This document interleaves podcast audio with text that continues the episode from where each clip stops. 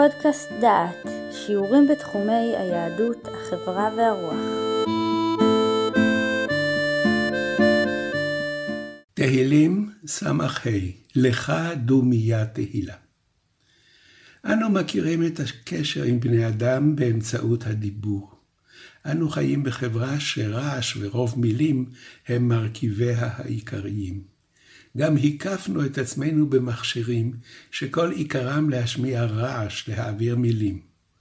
מה יקרה אם הרדיו והטלוויזיה והמחשב ישתתקו לפתע? בני אדם ירגישו שמשהו אינו כשורה, הם יכו במכשיר, הם יתקשרו עם טכנאים. אנו חיים את המילה, את הדיבור, את הרעש. השקט מעורר בנו מבוכה, חרדה, אי נחת. אך נבדוק נא, מה מכיל יותר, השתיקה או הדיבור? מתי אפשר להעביר רגשות עמוקים יותר, בשתיקה או בדיבור? האומנם מכילה שפתנו מילים כדי להביע באמצעותם את עומק ההרגשות? אריך פרום טען פעם, כי דלה היא שפתנו בדברים החשובים באמת. לתאר את סוגי המכוניות, אמר, יש בלשון עשרות שמות, אבל לאהבה יש רק מילה אחת. המשורר במזמורנו מתאר את חוויית השתיקה, ואת הקשר העמוק שהשתיקה יכולה לבטא.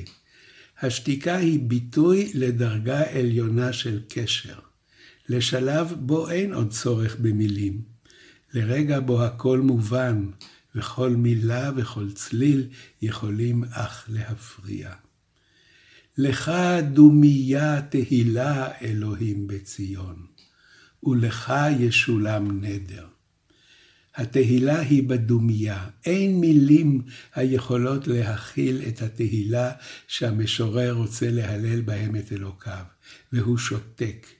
ושתיקתו כוללת את התהילות כולן, את עומק רגשותיו.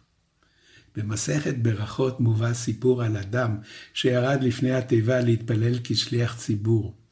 וכאשר חזר על תפילת העמידה, אמר, האל הגדול, הגיבור והנורא, האדיר, החזק, היראוי והעיזוז.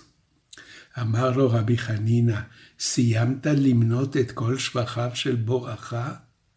אותם שלוש שאנו אומרים, האל הגדול, הגיבור והנורא, אילו משה רבנו לא אמרם בתורה, ואנשי כנסת הגדולה לא תיקנו אותם כחלק מן התפילה, לא היינו יכולים לומר אותם. ואתה אומר וממשיך ומונה כל כך הרבה שבחים? משל למה הדבר דומה?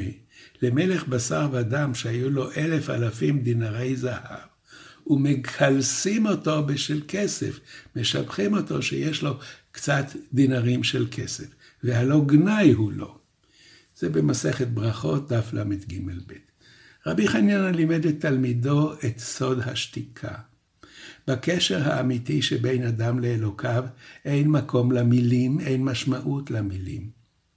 הקשר הוא קשר של הלב והרגש, בלי מילים, בלי עומר. אמרו בלבבכם על משכבכם, ודומו, ודומו סלע. הרגשת הלב בדומיית הלילה ושתיקה. זהו הקשר העמוק שבין אדם לאלוקיו, לא יותר. ובמזמור ס"ב, כאשר מתאר המשורר את הביטחון באלוקים, תולהו את הרגשת הביטחון בדומיית התקווה. אך לאלוהים דומי נפשי, כי ממנו תקוותי. אך הוא צורי וישועתי, משגבי לא אמות. הנפש פונה אל האלוקים בדממה, ומן הדממה מגיעה היא אל שלוות הנפש של הבוטח. ושוב, במזמור קל"א מתאר המשורר את ענוות נפשו. לא גבה ליבי ולא רמו עיניי, ולא הלכתי בגדולות ובנפתעות ממני. וכיצד הוא מתאר את היחס אל האלוקים? אם לא שיוויתי ודוממתי נפשי, כגמול עלי אמו, כגמול עלי נפשי. יחסו של המשורר אל האלוקים הוא כיחסו של היונק אל אמו, בדממה, בלא עומר. המשורר המהלל את האלוקים בדומיית השתיקה, מצליח להבחין בתשובת האלוקים. הוא מתבונן בטבע, והתבוננות זו מקרבת אותו קרבה נוספת לאלוקים. כל הווייתו משתתפת בשירת הטבע, בתודה לאלוקים. פקדת הארץ ותשוקקיה, רבת תאשרנה.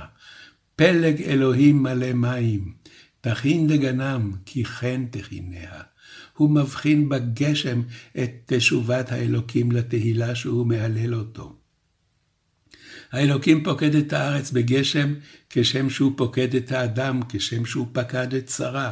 הגשם הוא תשובת האלוקים לשתיקתו של המשורר. תלמיה רבה, נחת גדודיה, ברביבים תמוגגנה, צמחה תברך. ולבסוף, ההתמזגות הכללית עם הטבע. המשורר מהלל את האלוקים בעומק רגשותיו ובמיצוי הווייתו, כשם שההרים והעמקים וחרי המרעה מהללים. הוא מצטרף לשירה הכללית, לשירה של העולם כולו, המודה לאלוקים על בריאתו. ירעפו נאות מדבר, וגיל גבעות תחגורנה. לבשו כרים הצאן, ועמקים יעטפו בר, יתרועעו, אף ישירו. המשורר שלמד את סוד השתיקה יכול עכשיו לשמוח עם הגבעות החוגרות גיל, להריע ולשיר עם כרי הצאן, והעמקים העטופים בשדות החידה.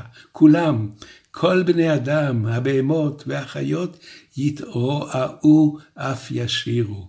לכולם שפה אחת, שפת הרגש העמוק שאין בו צורך במילים, שהמילים רק מפריעות ויוצרות מחיצה. לך דומיה תהילה אלוהים בציון, דום לאדוני והתחולל לו.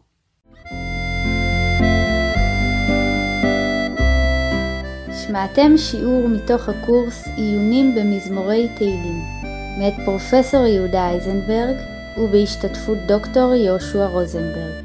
את הקורס המלא וקורסים נוספים ניתן לשמוע באתר דעת במדור פודקאסט.